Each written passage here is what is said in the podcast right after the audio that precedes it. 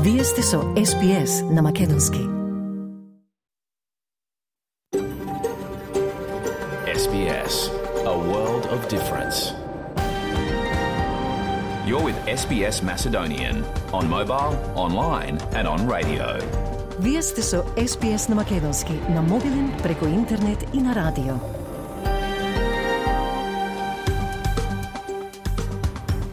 СПС им одава признание на традиционалните собственици на земјата, народот Wurundjeri Woi Wurrung, на нацијата Кулен, минати и сегашни. Добар ден, денеска е 17 јулија, со вас ке биде Маргарита Василева. Повестите по обширен извештај за најновите настани во Македонија и во кој ќе слушнете дека Бугарија нема нови услови за Македонија, тврди бугарското МНР и бара уставни измени согласно договореното. И евроамбасадорот Дейвид Гие за Националната агенција МИА најави дека во оценската мисија на судовите ќе има суди од земјите членки на Европската Унија. А од домашните и светски теми, екстремните горештини се претвораат во здравствена криза за луѓето на секаде во светот, а климатските промени се едно од главните прашања за Светската здравствена организација. Ке слушнеме повеќе за тоа подоцна, исто и за ново клиничко испитување кое откри дека ефтината верзија на кетамин може да помогне во лекувањето на тешка депресија. Подосна во програмата ќе го емитуваме последниот дел од бегалската приказна на Васил Влашев, кој во 1948 година стана дете бегалец. Патот од родното село Брезница го водеше се до Руманија, па после, за после повеќе години целокупното семејство повторно да се сретне во Австралија. Господинот Влашев е 89 години и раскажува за минатото како да беше вчера. Затоа останете со нас, сега следуваат вестите на СПС со Радица Бојковска Димитровска. Радица Повлели. Благодарам, Марга. Добар ден и од мене. Во денешниот билтен, кампањата Да за глас при парламентот денеска ја поднесува својата формулација на зборови до изборната комисија. Топлотните бранови се интензивираат низ делови од Европа со предупредувања за историски највисоки температури. Со еден так уред, граѓаните на Македонија и Србија ќе може да ги поминуваат патарините во двете земји како иницијатива од проектот Отворен Балкан. И во тенисот Карлос Алкарас со победа врз Новак Ѓоковиќ ја освои титулата на Вимблдон за мажи. Следуваат вестите на СПС на Македонски за 17 јули 2023. Останете со нас. Министерката за животна средина Тања Плиберсек вели дека лабористичката влада се уште е во силна позиција и покрај новата анкета која покажува дека поддршката за лабористичката партија е на најниско ниво од изборите во 2022 година. Анкетата Newspol објавена во вестникот The Australian покажува и дека коалицијата не успеала да има корист од падот, бидејќи гласачите се насочуваат кон независните и помалите партии. Прелиминарните гласови на лабористите паднаа за 2 поени на 36 одсто, што е најслаб резултат откако ја освоија функцијата со базичната подршка од 32,6 одсто. Иако коалицијата победи на натрепартиските избори во Феден за време на викендот, подршката за партијата на национално ниво падна на 34%. Наместо тоа, некои од гласачите ја подржуваат партијата на Зелените и партијата Една нација, па така според анкетата, подршката и за двете партии се зголемила за 1%. Министерката Тања Пливар се изјави за Канал 7 дека наместо на резултати од анкети кои што постојано се менуваат, лабористичката влада е повеќе фокусирана на олеснување на трошоците за живот, како што е подостапната грижа за децата, пониските цени на лековите, подостапни посети на лекар со само медикер картичка наместо со кредитна карта и поддршка за повисоки плати. Oh, well, polls jump around all the time and we don't take too much notice of them. Uh, it's still a very strong position for the government. We're 10 points ahead, two party preferred. But as I say, our real focus is not the polling, it's actually dealing with the cost of living issues that you're talking about. That's why we've introduced cheaper childcare. It's why we've halved the cost of medicines. It's why we're making it easier to see a doctor uh, bulk bills using just your Medicare card instead of your credit card. It's why we support higher wages Кампањата Да за домороден глас при парламентот треба да ја поднесе формулацијата за референдумскиот памфлет. Подржувачите на гласот ќе го поднесат изборот на формулацијата до Австралиската изборна комисија денеска. На независните кои гласа за подршка на законодавството за гласот им беа понудени брифинзи предводени од Министерката за домородни австралици Линда Берни и генералниот правобранител Марк Драйфус. Господин Саберни го опиша процесот како колаборативен и рече дека ги собрал најдобрите неговите аргументи за подршка на гласот.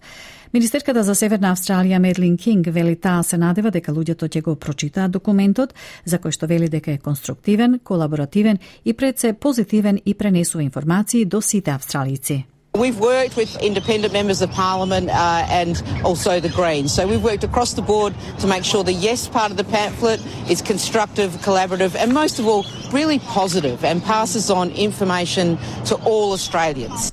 Благаникот Джим Чалмерс останува оптимист дека може да се постигне напреток во мултинационалната даношна реформа на клучниот состанок на групата 20.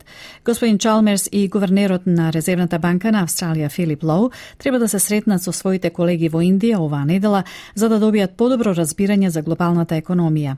Благаникот вели дека разбирањето на условите е апсолутно централно за да се осигура дека економските политики на Австралија се усогласени. Земите ширум светот се борат со постојаната и висока инфлација која ги притиска и домашните буџети. Нов извештај покажа дека жените во медиумите и понатаму се загрижени за родовата еднаквост и недостигот на поддршка во индустријата.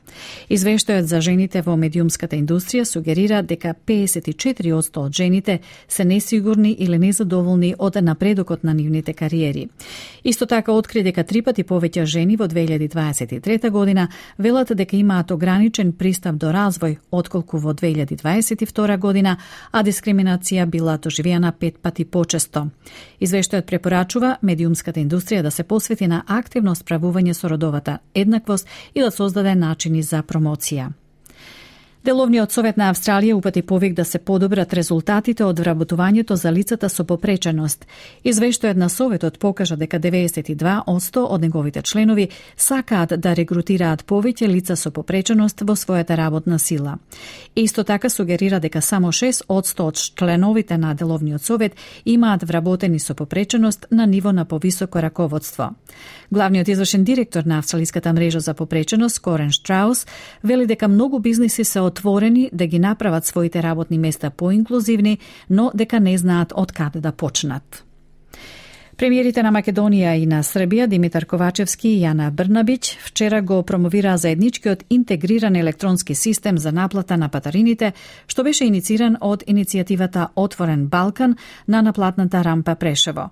Овој систем ќе овозможи брзо поминување на патарините во Македонија и Србија, при што граѓаните кои веќе го користат так системот ќе можат со регистрација во конкретниот систем, иницииран од Отворен Балкан, непречено автоматски да ги поминуваат патарините во соседната држава. Според премиерот Ковачевски, ова е најдобра потврда дека Отворен Балкан е иницијатива која, како што рече, дава резултати, функционира и луѓето ја сакаат.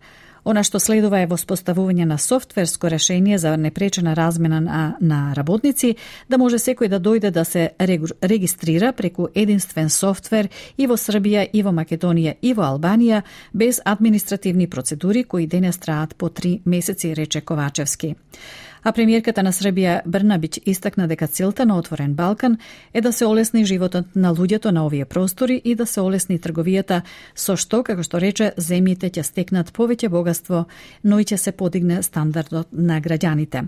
Со пари од Европската Унија наскоро ќе почне да се гради и на капиталниот проект за брза железница од Белград, Ниш, преку Прешево па до Скопје. Во Европа луѓето се предупредуваат да се подготват за најинтензивниот топлотен летен бран, исто така еден од најинтензивните на сите времиња. Предвидувањата за историски највисоки температури во наредните денови го наведува Италијанското министерство за здравство да прогласи црвен аларм за 16 градови, вклучувајќи ги Рим, Болонја и Фиренца. Акропол во Атина, една од главните туристички атракции во Грција, беше затворен трет ден во текот на најжешките часови во денот. Грчкиот метеоролог Јанис Калијанос, објаснувајќи зошто температурите се толку високи, рече дека најмногу од топлотните бранови доаѓаат од Северна Африка поради климатските промени кои што и натаму ќе имаат голем удел во топлотните бранови што ќе ги доживуваат луѓето во Европа. Every year we experience a transfer of warm air in the southern part of Europe. We could experience one, two, three, even four heat waves through the summer. There might be some slight changes, but we will experience heat waves every year, and they mostly come from North Africa, where climate change has played a role and will continue to play a role is in the number of heat waves we will experience. Европските лидери и председателот на Тунис најавија напредок во градењето на поблиски економски и трговски односи и мерки за борба против шверцот на мигранти преку Средоземното море. Лидерите на Италија, Холандија и Европската комисија ја остварија својата втора посета на Тунис во нешто повеќе од еден месец. Европската унија ќе работи со Тунис на партнерство против шверцот и ќе зголеми координацијата во операциите за пребарување и спасување. Председателката на Европската комисија Урсула фон дер Лайн вели дека криминалните мрежи на шверцери и трговци со луѓе треба да се запрат бидејќи го искористуваат човечкиот очај. За операциите ќе бидат ставени на располагање 100 милиони евра, рече господица фон дер Лайн. We need to crack down on criminal networks of smugglers and traffickers. They are exploiting human despair and we have to break their reckless business model. And we agreed that we will cooperate on border management, anti smuggling, return, and addressing root causes in full respect of the international law. For this, we will make available more than 100 million euros of EU funding. Во тенисот Карлос Алкараз го победи 23-кратниот Гренслем шампион Новак Ѓоковиќ, со што ја освои титулата во машка конкуренција и започна нова ера. 20 годишниот, што е 16 години помлад од Ѓоковиќ, се опорави од поразот на воведните пет превари во нервозен старт, за да му го нанесе првиот пораз на шампионот на централниот терен по една деценија. А во фудбалот Матилдите упатија повик за оружје пред светското првенство за жени, вршејќи притисок врз ФИФА да ги стави парите таму каде што им е и да се погрижи турнирот да остави наследство. Сите 23 членки на Матилдите зборуваа во видео на Professional Footballers Australia, рефлектирајќи за правата за кои Матилдас се бореле во минатото и сегашноста. Тамека Јалоп вели дека ФИФА сепак ќе им понуди на жените само една четвртина од паричната награда за истото достигнување. Видео Видеото подсетува на она за човекови права на Сокерос пред светското првенство за мажи во Катар.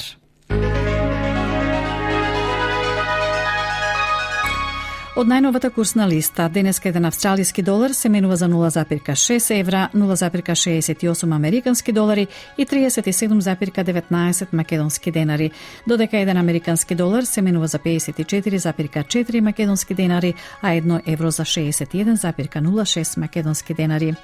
Еве анако со и временската прогноза за главните градови за утре, вторник, 18 јули, Перт врнежи со посилен интензитет и максимална 21 степен, Аделаид делумно облачно 16, Мелбурн краткотрајни повремени врнежи 15, Хобарт врнежливо 14, Камбера делумно облачно 15, Сиднеј претежно сончево 21, Брисбен врнежливо 22, Дарвин сончево 33, сончево и за Алис Спрингс со максимална до 22 степена.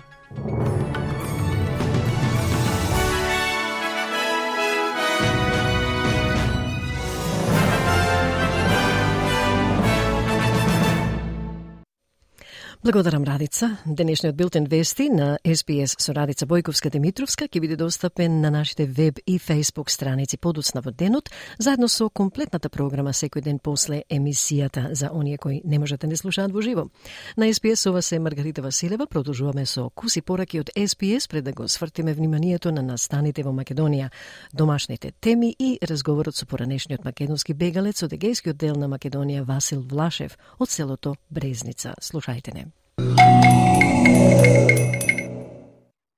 Ја слушате програмата на СПС на Македонски со вас е Маргарита Василева. Следува извештајот од Македонија во кој ќе слушнете дека Бугарија нема нови услови за Македонија, тврди и бугарското МНР и бара уставни измени согласно договореното. Понатаму ќе слушнете и за евроамбасадорот Дейвид Гие за кој за националната агенција МИЕ најави дека во оценската мисија на судовите ќе има суди од земјите членки на Европската унија. И со еден таг уред, граѓаните ќе може да ги поминуваат патарините во Македонија и Србија. Иницијатива е иницијатива, ова иницијатива е дел од проектот Отворен Балкан, кој според премиерите на Србија и Македонија им донесе бенефит на двете земји. Владата ќе преиспита одлуката за концесија за рудникот Иловица кај Струмица, а првиот опозиционер, лидерот на опозицијата, Христијан Мицковски, вели дека се работи за сделка на Дуи.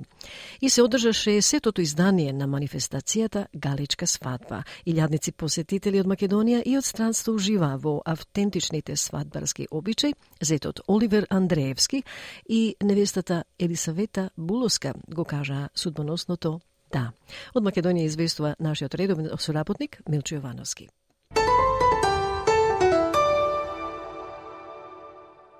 Нема нови услови за Македонија освен Европскиот компромис од 2022 за Европскиот пат на земјата е ставот на Бугарското Министерство за надворешни работи. Оттаму додава дека искрено сака земјава да ја видат како напредува кон полноправно членство преку успеси во реформскиот процес и напорите за градење добрососедски односи.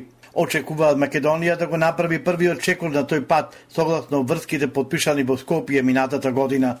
Со него додаваат Патот на Македонија кон членството во ЕУ има јасно дефинирани параметри. Во сообщението од бугарското МНР се додава дека институциите во Македонија допрва треба да ја докажат сериозноста со која ќе ги гонат насилствата врз бугарите во соседната земја. Додава дека неодговорно и контрапродуктивно е да се нарушува тешката и деликатна рамнотежа со несоодветни и тенденциозни толкувања кои отстапуваат од критериумите јасно утврдени од Советот на ЕУ за оваа работа. Посебно опасни се се велат да обидите за манипулативно прикажување на веќе договорените и опишани во компромисот од 2022 година како некои нови барања на Република Бугарија. Селенската патриаршија соопшти дека премиерот Димитар Ковачевски во саботата бил во приватна посета на Севселенскиот патриарх Вартоломеј. Како што се наведува, разговорот минал во добросрдечна атмосфера на теми од заеднички интерес. Ковачевски го посетил, се поклонил во Патриаршискиот храм, посветен на светиот Георги Победоносет. Премиерот Ковачевски беше во посета на Истанбул од 13 јули. Сите внимателно ги следевме настаните во судскиот совет минатите месеци. Некои зборуваат многу отворено за ова. Ние зборуваме отворено и сме многу загрижени. Која е обврската на судскиот совет? Обврската на судскиот совет е да ја заштити независноста, професионалноста и интегритетот на судиите, но некои од настаните во судскиот совет покажуваат дека советот не може да го направи тоа, вели евроамбасадорот Девид Гир во интервју за државната мија. Тој додава дека како знак на загриженост, затоа што во орган е клучен кога станува одбор за да владењето на правото, одлучиле да испратат оценска мисија. Цитирам, Ова буквално значи дека испраќаме луѓе на исти позиции, значи судии, луѓе кои биле дел од судските совети на различни земји членки на ЕУ, да дојдат да видат каква е ситуацијата, да го разгледаат законодавството за да видат дали има одредени слабости кога станува збор за транспарентност, кривична одговорност, да се сретнат со сите засегнати страни со цел да видат како е спроведено и потоа да дадат препораки кои би требало да го заакнат советот за да се заврши својата обврска која, како што кажав, е да ја заштити независноста, интегритетот и професионалноста на судиите, вели во интервју за Мија Гир.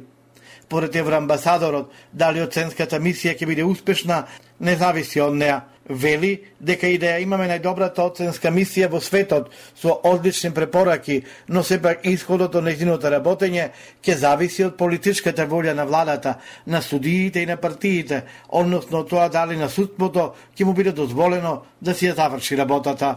Лидерот на ВМРО ДПМН Христијан Митковски изјави дека се ближат изборите и дека доаѓа крајот на актуелната власт, а дека уставни измени нема да има. Председател на неголемата опозицијска партија уверува дека доколку дојде на власт ќе бара одговорност за злоупотребите што ги прави актуелната власт. Цитирам, доаѓа крајот, доаѓа крајот за овие луѓе кои 6 години ја омоложуваа и крадеа Македонија, а по крајот доаѓа соочување со реалноста. Еден дел ќе избега, предпоставувам, затоа што имам такви информации дека се пакуваат изјави Мицковски, а пренесе порталот Фактор. На СБС слушате вести од Македонија. Премиерите на Македонија и на Србија Димитар Ковачевски и Јана Брнабич вчера го промовираа заедничкиот интегриран електронски систем за наплата на патарините, што беше иницииран од иницијативата Отпорен Балкан на наплатната рампа Прешево. Овој систем ќе овозможи брзо поминување на патарините во Македонија и Србија, при што граѓаните кои веќе го користат МТАК системот ќе можат со регистрација во конкретниот систем, иницииран од Отворен Балкан, непречено автоматски да ги поминуваат патарините во соседната држава. Поред премиерот Ковачевски, ова е најдобра потврда дека Отпорен Балкан е иницијатива која, како што рече, дава резултати, функционира и луѓето ја сакаат. Идиотската работа која постои на Балканот се границите помеѓу државите на Балканот. Ние сме биле единствени држави во Европа кои немале граници, а сега сме единствени држави во Европа кои имаат граници. И крајната цел и моја лична заложба и цел е Балканот да биде без граници. Она што следува во спостување на софтверското решение да не на размена на работници, да може секој да дојде да се регистрира преку единствен софтвер и во Србија, и во Македонија, и во Албанија, без административни процедури, кои денес траат по три месеци, рече Ковачевски.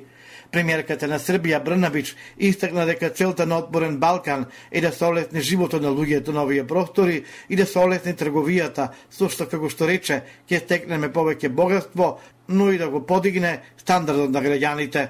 Со пари од ЕУ, наскоро ќе почне да се гради и капиталниот проект. Брза железница од Белград Ниш Прешево па до Скопје. Незарудници, стоп до манипулации, незадоволни граѓани, екологисти и представници на црквата во саботата на протест во Струмица го искажаа своето незадоволство за спојната концесија за рудниците и ловица штука, бара да се спречи отпорање на рудникот за експлоатација за минерални суровини, бакар и злато, пренесе Сител со таа технологија која треба да работи тај рудник.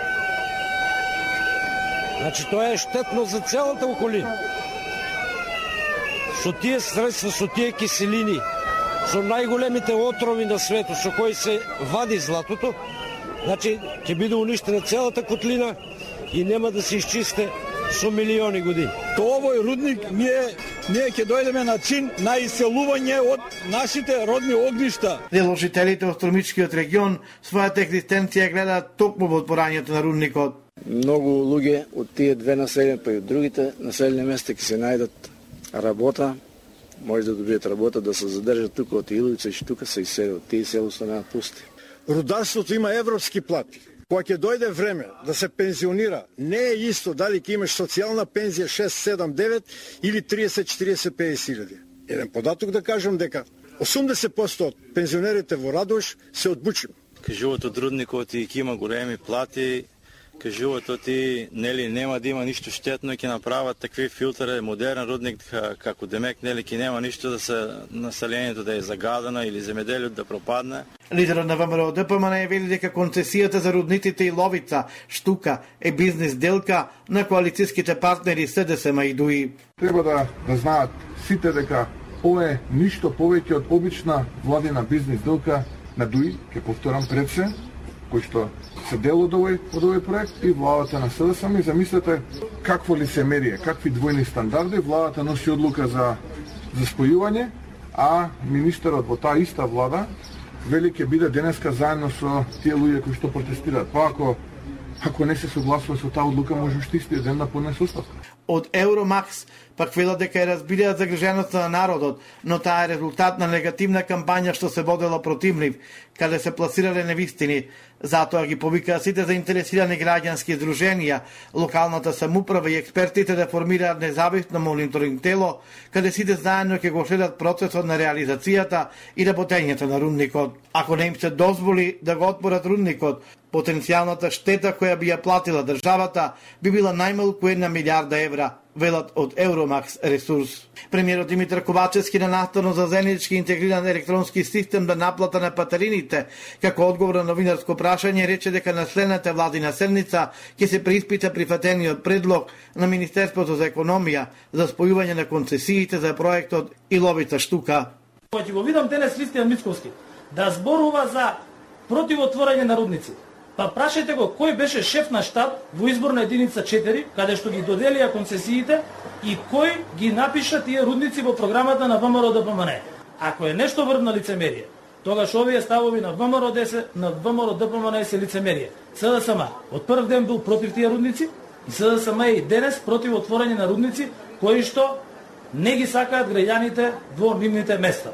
На следната седница на влада, повторно министерот за економија со сите документи од 2012 година, бидејќи не се работи само за една судска одлука, заедно со неговите стручни служби, ќе ги информира сите министри за понатамошната постапка. Председателот Тево Пендаровски и сопругата Елизабета Ѓоргиевска присуствуваа на културно-сценската манифестација Галичка свадба, што традиционално се држува под негово покровителство.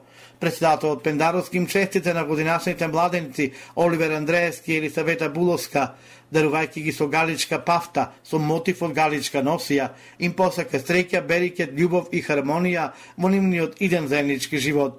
Председателот изрази задоволство што се уште постои голем интерес ке младите во земјава да бидат дел од галичката свадба, продолжувајќи ова македонска вековна традиција.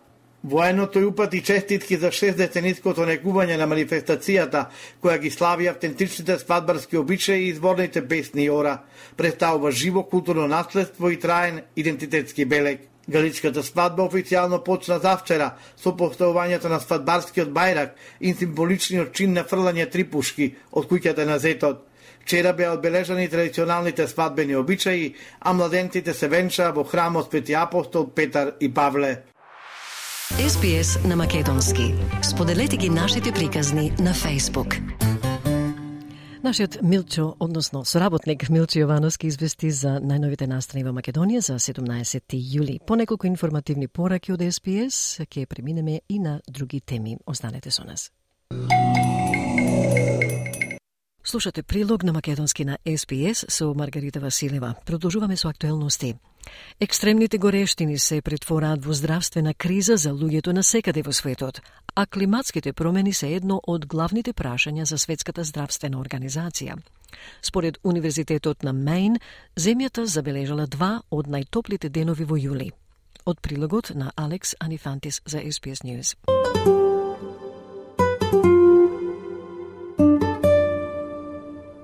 Научниците од Универзитетот на Мейн во проектот Climate Reanalyzer велат дека целата планета се потеше на неодамна двата неофицијално најтопли денови во човечкото евидентирање. Вторникот беше потопол за 0,17 степени Целзиусови, што е огромен температурен скок во однос на глобалните просеци и рекорди. Пол Дейвис е главен метеоролог на Метеоролошката канцеларија на Обединетото кралство. Тој вели во атмосферата и глобалните временски образци има природна вариабилност, природен феномен кој секогаш се случува од година во година. Она што е различно е состојбата на затоплувањето на климата, што на некој начин дава турбо засилување на таа природна вариабилност. The atmosphere and in the global weather patterns, we have natural variability. So there's a natural phenomenon that always occurs year on year. What's different is the background state of the warming climate that, in some senses, give that turbo boost to that natural variability. Дневниот, но прелиминарен и неофицијален топлотен рекорд доаѓа по неколку месечни неприродни метеоролошки и климатски статистички податоци за годината, како што е рекордната топлина во северниот дел на Атлантикот, рекордно нискиот морски мраз на Антарктикот и брзото зајакнување на системот Ел Ниньо. Овој глобален рекорд не е баш од типот што редовно го користат ентитетите за мерење на климата, како што е Националната асоциација за океани и атмосфера. Но тоа е показател дека климатските промени допираат до непозната територија. Крис Брайли, професор по климатски науки на Универзитетскиот коледж во Лондон, вели дека светот станува се потопол и предупредува дека климатските промени, предизвикани од човекот, значи дека таквата необична топлина ќе стане почеста во следните неколку децении. This is something that we're seeing more of It's not just records being broken, which as we move into a warmer world, we would expect the world to be to be warming and therefore more records to be broken, but that they are being broken at ever increasing magnitudes is itself quite concerning. Обединетото кралство го преполни својот најтопол јуни од почетокот на рекордите. Суши и екстремни горештини зафатија делови од Шпанија, а топлотните бранови во Индија и САД доведоа до опасно високи температури. Метеоролошката служба на Шпанија соопшти дека оваа година земјата ја регистрирала својата најтопла пролет досега и втора најсошна пролет. Светската здравствена организација се состанува во Унгарија за да разговара за здравствените предизвици поврзани со климатските промени. Меѓународниот собир ги собира министрите за здравство и животна средина од Европскиот регион на Светската здравствена организација за да разговараат за здравствените предизвици поврзани со климатските промени, загадувањето и губењето на биолошката разновидност. Доктор Ханс Анри П. Клуге, регионален директор на Светската здравствена организација за Европа, вели дека климатските промени веќе ги повредуваат европските здравствени услуги и дека состојбата има потенцијал да уназади 50 години напредок во јавното здравство. I always say the climate crisis is a health crisis. It is no setting back or has the potential to set back 50 years of progress in public health. I will give one example. Two days ago, the world recorded the hottest temperature ever 17.01 degrees Celsius as a global average. I mean, in our region last year, we saw the hottest summer with more than 20,000 people who needlessly passed away. Тој го наведе примерот кога на двата најтопли денови во светот беше забележена најжешката температура некогаш 17,01 степен Целзиусов како глобален просек и поради кој над 20.000 луѓе непотребно починале. Доктор Клуге вели дека Европа бара да преземе акција.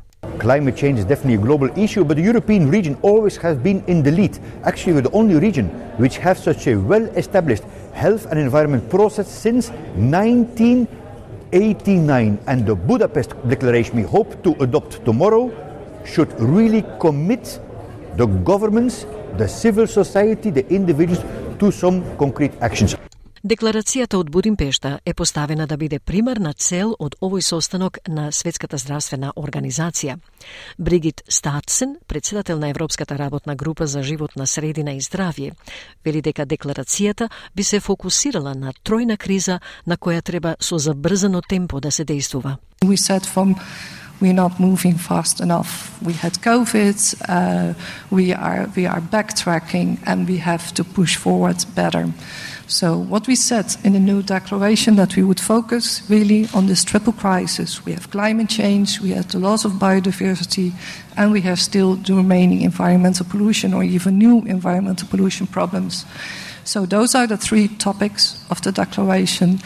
And we said from we really need to accelerate actions И иако Австралија е се уште среде прилично блага зима, постојат предупредувачки знаци на силна суша, додека нацијата се подготвува за потенцијална сезона на ужасни шумски пожари.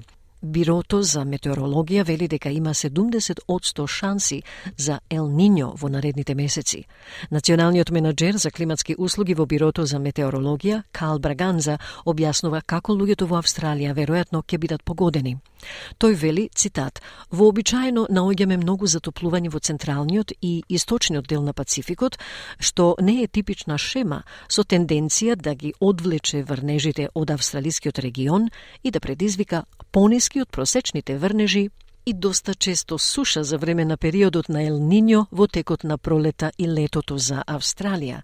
Така, во споредба со последните три години, каде што го имавме спротивното од настанот Ел Ниньо или Ла Нинја во Пацификот и доста обилни врнежи над Австралија, сега гледаме лето со подпросечни врнежи од дожд и евентуално топлотни бранови и шумски пожари. Затворен цитат, изјави Браганза. Typically, we find a lot of warming in the central and eastern Pacific, which isn't the typical pattern. Um, what that tends to do is drag rainfall away from the Australian region and cause um, lower than average rainfall and quite often drought during an El Nino period over spring and summer for Australia. Compared to the last three years, where we had the opposite of an El Nino, a La Nina event in the Pacific, and quite heavy rainfall over Australia, um, we're now looking at a summer of below average rainfall and possibly heat waves and bushfires. А што тоа ќе значи за австралиските здравствени услуги кои веќе се под притисок, допрва ќе се види.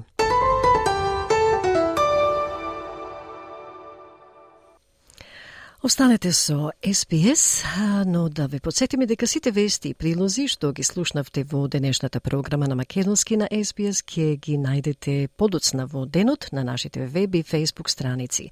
А за прашања или коментари за било кој дел од нашата програма, оставете порака на фейсбук страницата и ние ќе ве контактираме.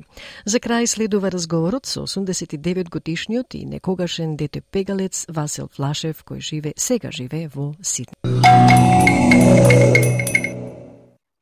Вие сте со СПС на Македонски со Маргарита Василева. 1948 година беше судбоносна, како за 28.000 македонски деца од егејскиот дел на Македонија, така и за Васил Влашев од селото Брезница. Неговиот живот бил доволно тежок и без војни и бегства. Бегалската приказна на спас од бомби и митрелези поради граѓанската војна во Грција го носи Васил во детски дом во Романија, на која земја тој и останува за секогаш благодарен што на деца како него им подари храна, за солниште и подобра иднина преку образование. Васил Влашев на годините поминати во детските домови се, се уште се сеќава како да беше вчера. Приказната на Васил е дел од разговорите со поранешни деца бегалци што ги водиме, кои се уште се меѓу нас и чиј повод е 75 годишнината од големиот екзодус во 1948 година, во времето на граѓанската војна. SPS на Македонски. Споделете ги нашите прилози на Facebook – Е, дојде таа книгата, а подписа дури за мајка ми. Да. Сега, то време беме разделени, татко, со мајка ми. Јас 18 години без татко. Мајка ми 18 години без супругот. Okay? Татко ми на 18 години разделени од фамилијата. Да кога дојде во Австралија, тоа 38 година, и ние се собраме на 56 година. Да. Е, по на време така, за, за на мајка ми е подписа таа книгата јаска и кажваше во таа книгата uh, thank you, ама по никаков начин да не се вратиш ти во оваа држава. Зашто? Ми да тоа е втор живот во, во мојот живот. Ме, ме ране, ме расте, ме, ме, ме уче. И по вконеча јас не може да дадам нешто за благодарноста што направи во Ромања. А во писмото пишуваше дека не смеете да се вратите повторно во Романија? Yes.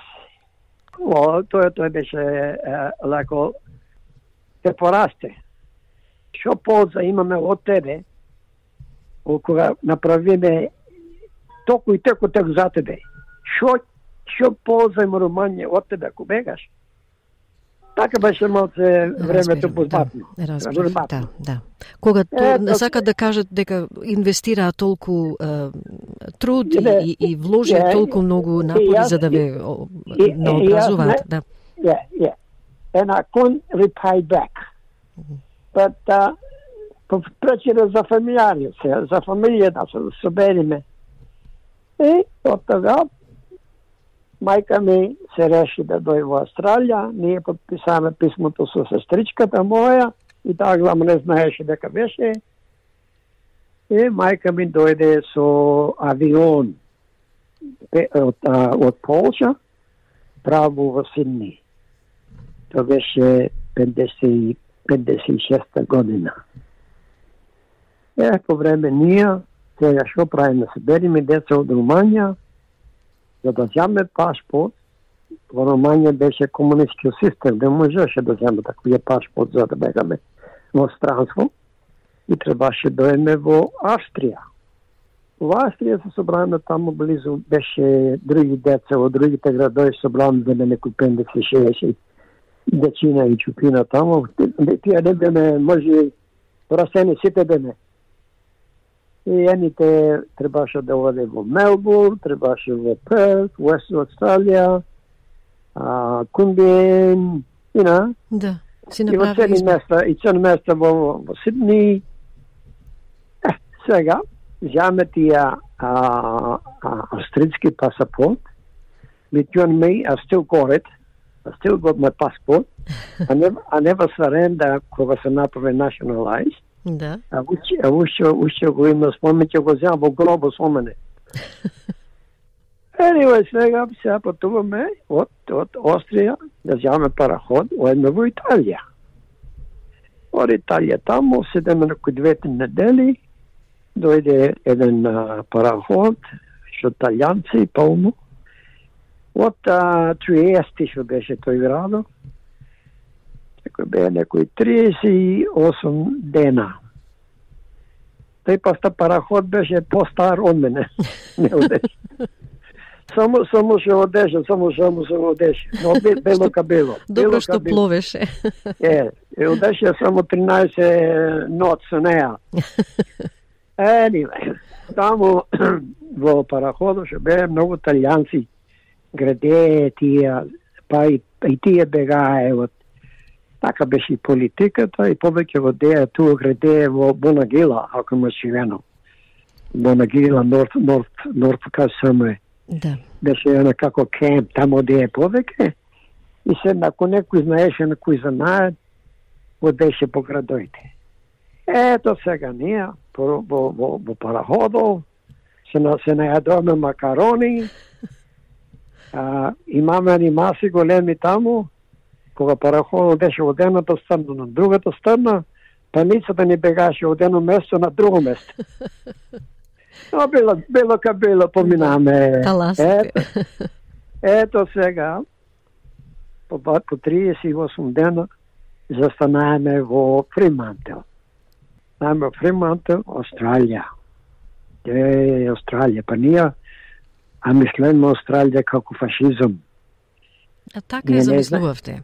Е, така, ние коментира фашизам, но не, маш- не знаеме ние повеќе, како знаеш ли. Мгм. Е, anyway, поминаме тамо таа таа таа вечера во Фримантел, патуваме сега во Фримантел за во Мелбурн. Во Мелбурн оставаме тамо и требаше да се еме цела ноќа за другиот ден да земе параход да си дојме во Сиднеј. Но истовремено, татко ми си ја имаше бабата туа. Почна да се топли тој. И а, дојде еден човек таму од, од Мелбурн и пометва името, говореше, името му беше Доне Филипов. Од Доне Мелбурн. Филипов. Филипов. Живеше во Фицрой. Да, го знам многу добро. Мислам, го познавав Е. многу добро. Е, Доне Филипов беше еден висок човек, Да. уште пред мен да миени. Дојде во параходот таму и вели кој е Васил и Цана. Му, ние не знаеме. Кој корабинени бори? Дош од, тру- од, од, од чужа земја. Што знаеш кој е? Може, пропаганда може. Да, Но да. му велиме јас сум и таа ми е сестричката. Вели така и така, вели име, вели ја, пе- а, таткото и вели ја, ми се јави и сакам да ве земам, вели, вануш кај мене, вели, да помините вечерата, до утре со бајлето да патувате за во Сидни. И си вера лошо добро, е, е се, слу- се служеме даме таму во кај, кај Доне Филип Кочета. И а, имаше беше едно, едно семи детеч беше тамо, една кучарче имаше. Да не беше во центарот во Фицрој да не живееше. Во Фицрој беше, во Фицрој беше. Белски. Беше едно, беше едно, едно семи детач таму, не знам Да. дека беше. И беше каму пет часаето на вечерата, ношата. И татко му ми се јави од Сидни, му вели на Доне, децата ми се таму, прв пат слушна од децата дека му се, од теку години. И тој и му вели, туа си, туа си му вели, ја и син ти и керка ти туа. И вели, сакам да говорам, вели, сакаш да говориш со син ти, вели?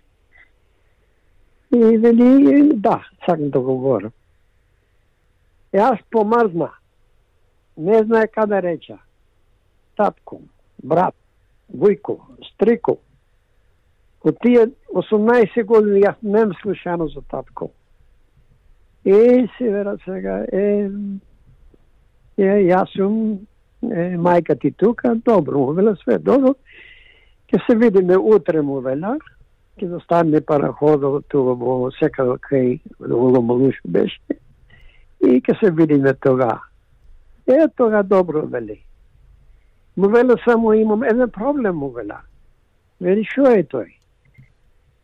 Как как те познам? И тој вели, а, you know, you know, вели, не сум менат. е, е, как да познам. И вели, а, вели, јас там ке сум. И тој а, Доне Филипов имаше една пакета цигари, тоа едно малечко, едно малечко а, трапезче ше беше таму. Да. Беше една пакета, мислим, беше крај вина и цигари. И му вела на татко ми, кога застанеме му веле во, во пристанишчето во Сидни му веле, ќе земаш на пакета крај вена цигари и ќе клаше раката на, на, на ветар му веле. Ja, ville јас sa ne. Anyway, next morning бегаме во Мелбур и стигнаме во Сидни. Во престанечето немаше многу, сите застанае во Мелбурн, во Пет, во такви работи, но мал, малце сума беше, деца бега отише беме во, во, во Сидни. И застанува пристанишчето, параходот тамо голем, и пуля еден човек – голем човек со крева раката на горе и со една пакета цигари. И една, една, една женичка докрај него. И му вела на сестра ми, е, а тој ни е таткото му вела. Знаете, и таа вели, за сестра ми, не помртва татко. Таа се роди кога татко ми беше бега од селото. Но таа почне да плаче, почне да се бери до мене. Е, сега. А пуната женичката до него му вела таа, таа ни е мајка му вела. Еми, мајка треба да ни е му вела. А мајка ми е знае, јаска беше слаба, кожа, коски и, и, кожа беше. И си вела, ма, не може да ни е мајката но таму да си работаше во Полша, ја дае компири цело време ја дене, малце се се клака, малце шкемби направи. И ему вена сега на сестра ми јаска. Во тие, ма да не е трудна одма му. Значи, мајка ви замина пред вас во Сиднеј. Дојде, дајде тој со авион дојде, ние се денус параход. Да, да. Е, било ка било, се собраме сега, татко ми имаше една, една, една, една куќа живеше, таа беше Чочо Венглан во, во Глива ерија до градот таму, че имаше едно, едно диканче, челар беше, и одаме таа пуста куќа, а, водајките бе книгите Волпа се луте, имаше кобуец, се затвори во таа дајката, јас кај кошен да плачам на Маргарита. Кошен да плачам, се велат, шо барам туе? Дојде мајка ми, отвори вратата, милона мајка, вели. Да се благодаме, вели, што се собраме, вели, лошо, добро, вели, ке си поминиме, вели, и така. Се мајка ми дојде се на урва долу ден стез, имаме тро гости од Ньюкасл, што беше еден тетко, тетка, Е, и тоа беше the arrival во, во, во, во Сидни 1948. 1958? 1957. Ah, 1957. 1957. А само, само, само, само заборајди ви кажа оти да. сестра ми кога беше во Русија, таму остана таја и после 12 години го беме ние туа, си ја земе и сестра ми таму, што беше мажена во истото село со две дечки, си една на коме и таа во, во Сидни. Значи се собравте крајно се сите собраме, заедно. Крајно, крајно се собраме. yeah. Васил, ви благодарам за многу чувствителното раскажување за твојот живот и за периодот во историјата кога станавте дете бегалец. But I, can go on and on, you know. да се разбира, да. Се гледа дека и ден денес тоа искуство ви остави голем белег во животот. Уште еднаш ви благодарам на приказната ваша како бегалец. Okay. Thank you very much. My pleasure, and I will continue my life after one day. SPS на Македонски. Споделете ги нашите прилози на Facebook. Господинот Васил Влашев е во 89 година од својот живот и повеќе години е дел од пошироката македонска заедница во Сиднеј, но Јужен Велс. И како што слушнавте, тој со големо задоволство ја раскажа својата бегалска приказна за SPS. А за тоа, како на него така и на Лефа Маркова и Мара Калинчева, им благодариме бескрајно, затоа што со секое раскажување и подсетување, драги слушатели, се побудуваат разни емоции и чувства на минатото. Во наредните недели ќе се бидеме да ви донесеме и други бегалски искуства, како дел од одбележувањето на 75 годишнината од големиот екзодус. А сега е време да се подсетиме на главните вести на SPS. Кампањата Да за глас при парламентот денеска ја поднесува својата формулација на зборови до изборната комисија. Топлотните бранови се интензивираат низ делови од Европа, со предупредувања за историски највисоки температури. Со еден таг уред, граѓаните на Македонија и Србија ќе може да ги поминуваат патарините во двете земји како иницијатива од проектот Отворен Балкан. И во тенисот Карлос Алкараз ја освои титулата на Уимблден за мажи. Música И тоа е се за денеска, почитувани слушатели. Ви благодарам за вашето внимание. Се обидовме да ве ставиме во текст со некои од најновите случувања во Австралија, Македонија и светот. И доколку имате коментар, оставете порака на Facebook страницата. Ве очекуваме повторно утре на SPS за следната емисија на Македонски. А во меѓувреме, за избор прилози и разговори посетете на sbs.com.au косацрта Macedonian или на Facebook SPS Macedonian. Од Маргарита Василева, пријатно попладне и до слушање до утре.